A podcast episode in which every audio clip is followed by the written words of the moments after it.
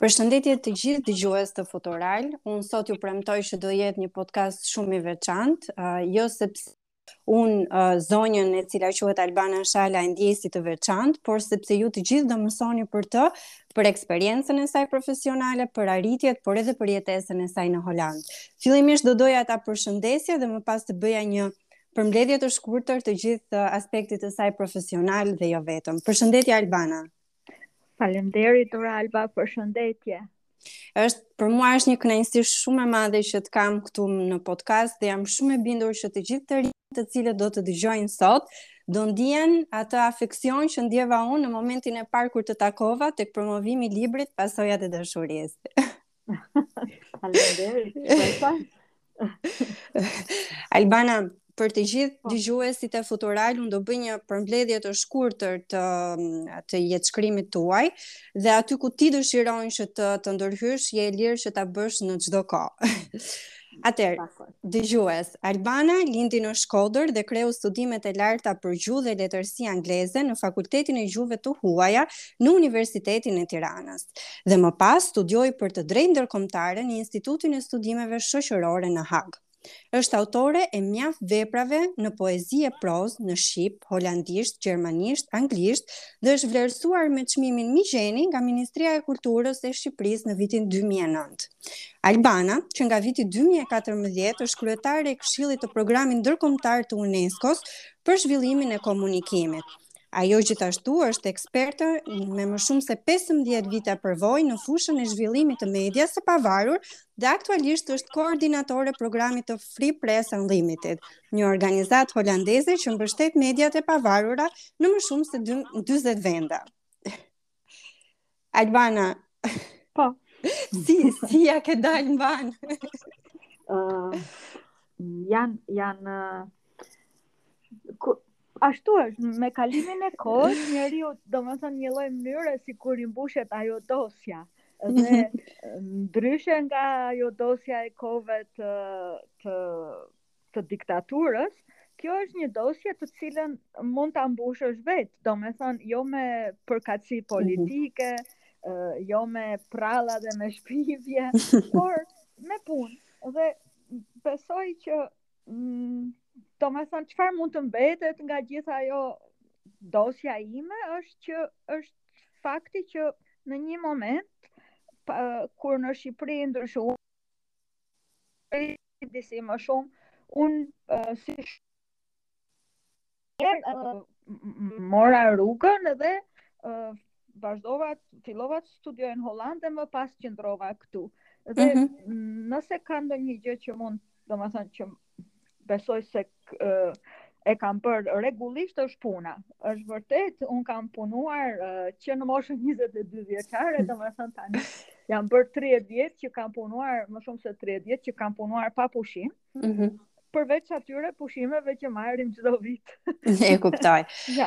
Mm. Alban, pse Holanda? Domethënë, cila ishte ajo gjë që ty të bëri për vete, apo cilat ishin ato mundësi profesionale mm -hmm. që ty të tërhoqën, edhe mendove se uh, Holanda është vendi i duhur për t'u zhvilluar nga ana profesionale, po jo vetëm, sepse ne do flasim edhe për këtë pjesë të dashurisë tënde për shkrimin edhe për, për letërsinë, po, po. por do doja ta nisja nga kjo fillimisht. Mm -hmm.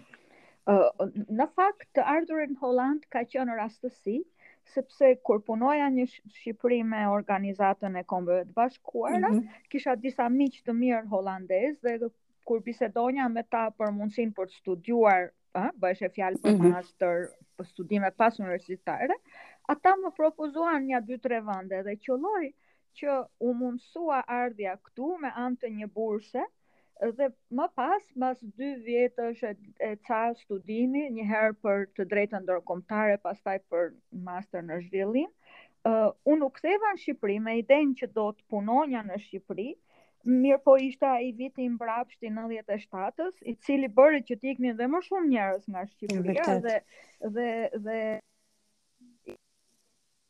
këtu, nëse mund të vazhdonja të bashkëpunonja me ta, uh, ata e mundësuan këtë bashkëpunim, ishte për, për, të, për të shkruar për problemet pikërisht për çfarë po ndodhte në Shqipëri në ato kohëra, domethënë uh, uh, ndryshimet post-komuniste të viteve 90, dhe më pas gjeta punë.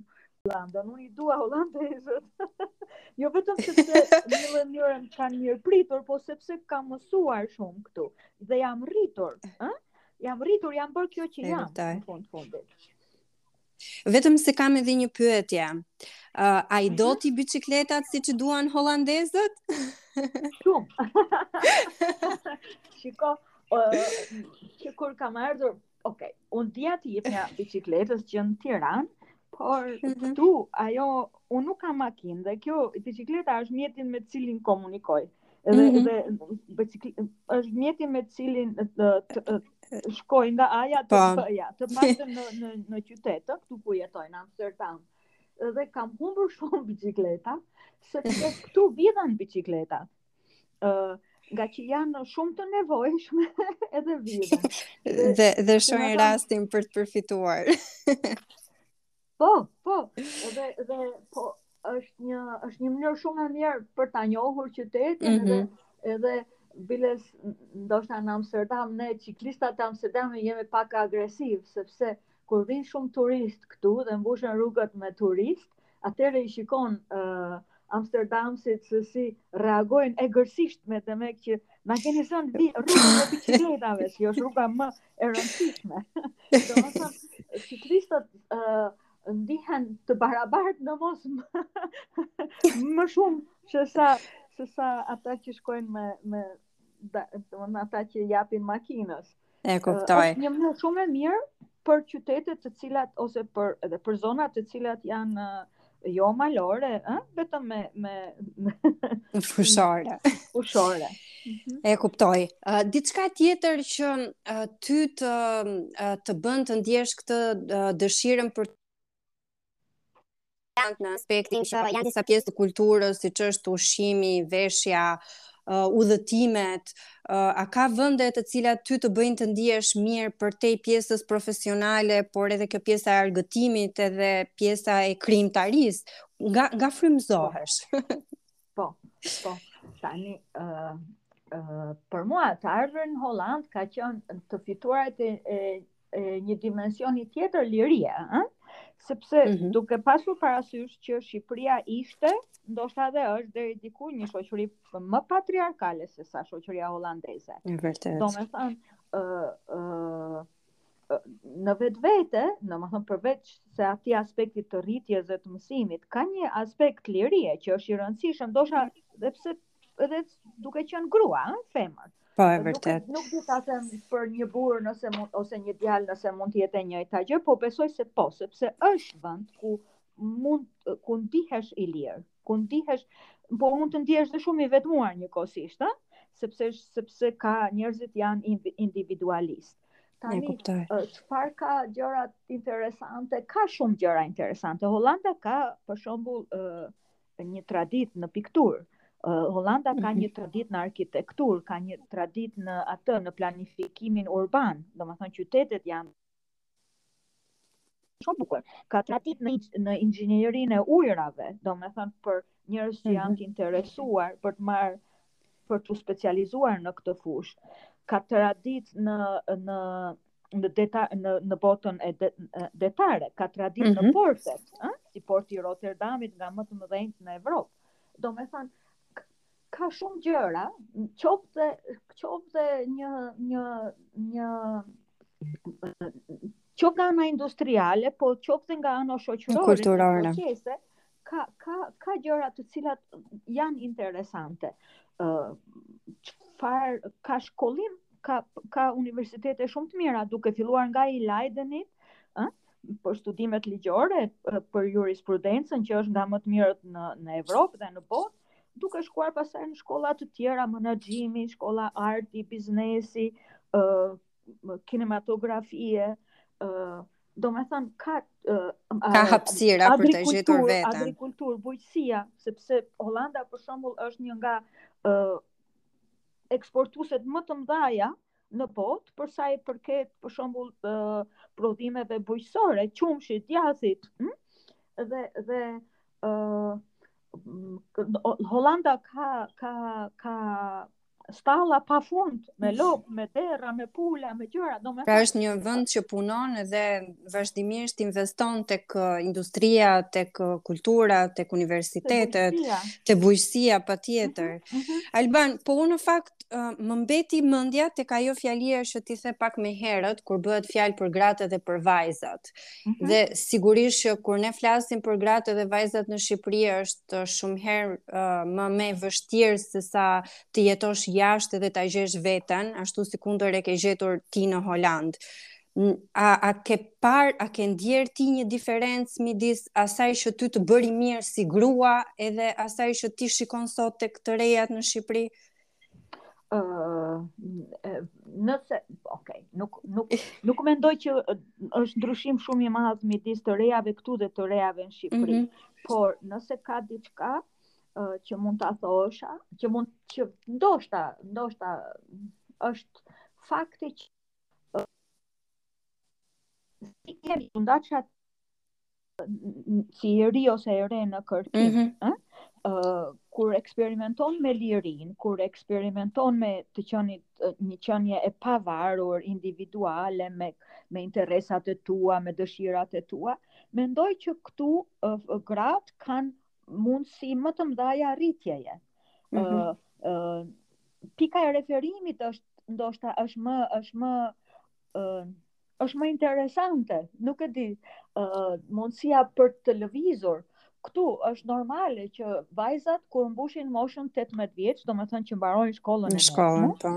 Uh, përpara se të fillojnë universitetin, marrin një çantë edhe shkojnë 6 muaj, 1 vit, shkojnë një bien rrotull botës dhe duke i rënë rrotull botës me një buxhet minimal, E kuptoj. Aty, aty ku kanë mundësi edhe punojnë disa muaj. Për shembull, punojnë 2-3 muaj dhe pastaj vazhdojnë. Dhe, i, dhe po t'i pyesësh, shumicën e vajzave që janë 20 e sa vjeqare, të thonë, po si, kemi qënë n'Azi, kemi qënë këtu, këtu, këtu, këtu, kemi qënë, pra arritur të kenë një eksperiencë. Dhe shkojnë vetëm, shkojnë me shokë, shkojnë me shoqe, domethënë, uh, njerëzit ndërmarrin iniciativë. Dhe në këtë kuptim është shoqëri është është shoqëri më e lirë, më e lirë dhe më dhe më favorizuese për gruan mendoj unë. E kuptoj. Dhe besoj që është është më se evidente për faktin që shumë të rinj dhe të reja e gjejnë veten në Holandë dhe aty pastaj zhvillohen nga ana profesionale. Por ashtu sikur e thashë edhe pak më herët, unë në dorë kam librin Pasojat e dashurisë, edhe përpara se të pyes për çfarë uh, të frymëzon ty, unë po lexoj një një Paragraf shumë të shkurtër sepse gjeta diçka që uh, më duket sikur lidhet edhe me situatën e sotme, por mm -hmm. shpëtimin do lexoj si në mhm. këtë situatë lufte ne ne mendojmë për atë që na bën të të ndihemi mirë dhe të përfitojmë nga përqafimet me njëri-tjetrin. Shpëtim. Një asteroid po i afrohet Tokës, përqafomë. në frymën tonë le të fillojë një botë e re. Albana. Çfarë të frymëzon ty?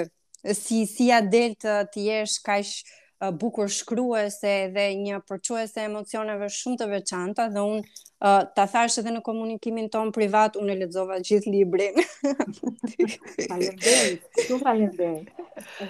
Uh, tani uh, unë mendoj që arsyeja kryesore që më ka mbajtur uh, që më ka bërë që të shkruaj është pikërisht fakti që unë uh, e kam lënë Shqipërinë jo përgjithmonë, për ta rigjetur, mm -hmm. po fakti që unë mora një hap që u duk sikur ishte hap shumë i madh. Dhe ndoshta është vërtet i madh, sepse njeriu e, e, shkulet, ë, shkulet një vërtet nga një pemë që shkulet nga ajo toka e njohur, nga gjithë normat, kodet, vlerat, pikat e referimit dhe përpiqet që të ngulet në një vend tjetër. Kjo lëvizje e madhe, ky tërmet i madh, ky ky ky ky, ë, ky ushtim i madh në një lloj mënyre me gjithë gjërat me gjithë pasojat që ka kjo kjo ikje, po dhe ky rikthim sepse faktikisht unë shkruaj në shqip gjithkohon, ë, ë dhe mm -hmm. dhe përpiqem që ta arrij uh, miq lexues njerëz aty dhe është një shqipe që... shumë e bukur pa dashur të po. të ndërpres është shumë tërheqëse është arsyeja është arsyeja që në një lloj mënyre më ka bërë mua që të shkruaj është uh, malli për vendlindjen është dashuria për njerëzit që kam lënë atje dashuria për çfarë kam gjetur këtu dhe kureshtja dhe dëshira për ta njohur ë këtë sy vërtet dhe dhe një lloj bashkëbisedimi. Unë kam një libër tjetër, ndoshta nuk e dini, nuk e një, e keni lexuar, quhet patjetër mund të... Miq, mm -hmm. Të me dhjetë miq. Dhe e mbaj mend që këta miqtë e mi njëri prej tyre më tha, a, tani tha i lave hesapet me vetën. Shqiptar, jam shqiptar, dhe po. unë i pyes, uh, i pyes që ku kemi qenë, ku jemi, ku do shkojmë. Është një lloj reflektimi i i i yni për botën, hm? edhe për pozicionin ton, dhe për Shqipërinë ton. Dhe po unë asnjëherë nuk i laj dot hesapet me vendin tim. do vazhdoj shkruaj. Dhe po pra, dhe ne nuk do të lëmë pa të mbajtur këtu në Shqipëri për të dhënë atë kontribut shumë shumë të madh dhe pozitiv që ti e jep. Por unë në po. përfundim të podcastit do doja një mesazh për të rinjtë, për të reja, të cilët duan ta njohin Holandën, po duan gjithashtu të ndjekin edhe hapat e tua. Cila është ai, cili është ai sekreti që të ka bërë ty të jesh kjo që je? Uh, nuk e di, është pyetje mund mund ta mund ta Atëherë a mund të të kthej një pyetje? Mund ta bësh si të duash ti pyetjen. Mbas shumë vitesh këtu, ë, domethënë gjysmën e jetës tani këtu. Mhm. Mm un prap mendoj që guri rënd në vend të vet. Ë, uh, un un ndihem që kam pesh kur jam në Shqipëri. Kam pesh, jam e rënd. E kupton? Mm -hmm. Domethënë, uh, kërkohet shumë mund, shumë përpjekje, për t'u riorientuar kur bën këtë lëvizjen. Jo se nuk e kanë bërë njerëzit, domethënë, popullsia e botës gjatë gjithë kohës në, në emigrim të vazhdueshëm. Megjithatë, unë do, nëse ka ndonjë mesazh për të rinjtë shqiptar, unë do thosha, është një mrekulli, nëse do vinë Holland, do studiojnë Holland, dhe do jetojnë disa vjet këtu, pse jo, dhe pastaj do do donin të kthehen te rrënja. Mm -hmm. Do donin që të kontribuojnë për vendin e tyre në një mënyrë ose një tjetër. ë uh, Nuk e di nëse mund të jem un shembulli, ë, i kësaj. Un përpiqem ta bëj me po. letërsi. Përpiqem ta bëj me me me ato që krijoj dhe me punën që bëj, sepse kontribuoj në një lloj mënyre. Patjetër. Së bashku me disa miq kemi një fondacion quhet mm -hmm. Fondacioni Shqiptaro Hollandez. Dhe aty përpiqem. Do thënë, do me thënë, guri rëndë në, në vëndë. Lëvizim, ka lëvizim dhe ndoshta duhet të kthehemi përsëri te vetja. Njofim veten. E vërtet. Shumë e vërtet. Dhe kjo është mënyra se si ti flet, më bën mua akoma edhe më tepër të bindem se sa njeri pozitiv, i mençur, edhe atdhedashës je. Oh, Albana, për, për mua ishte kënaqësi shumë e madhe për podcastin e ditës së sotme, por edhe për mundësinë për të të njohur edhe për të dëgjuar akoma edhe më tepër nga ti. Dhe besoj që të gjithë dëgjuesit e Futural do të do ta ridëgjojnë disa herë këtë podcast për të gjetur veten edhe për të menduar se çfarë gjëra duhet të përmirësojmë me veten dhe vendin tonë. Të falenderoj shumë.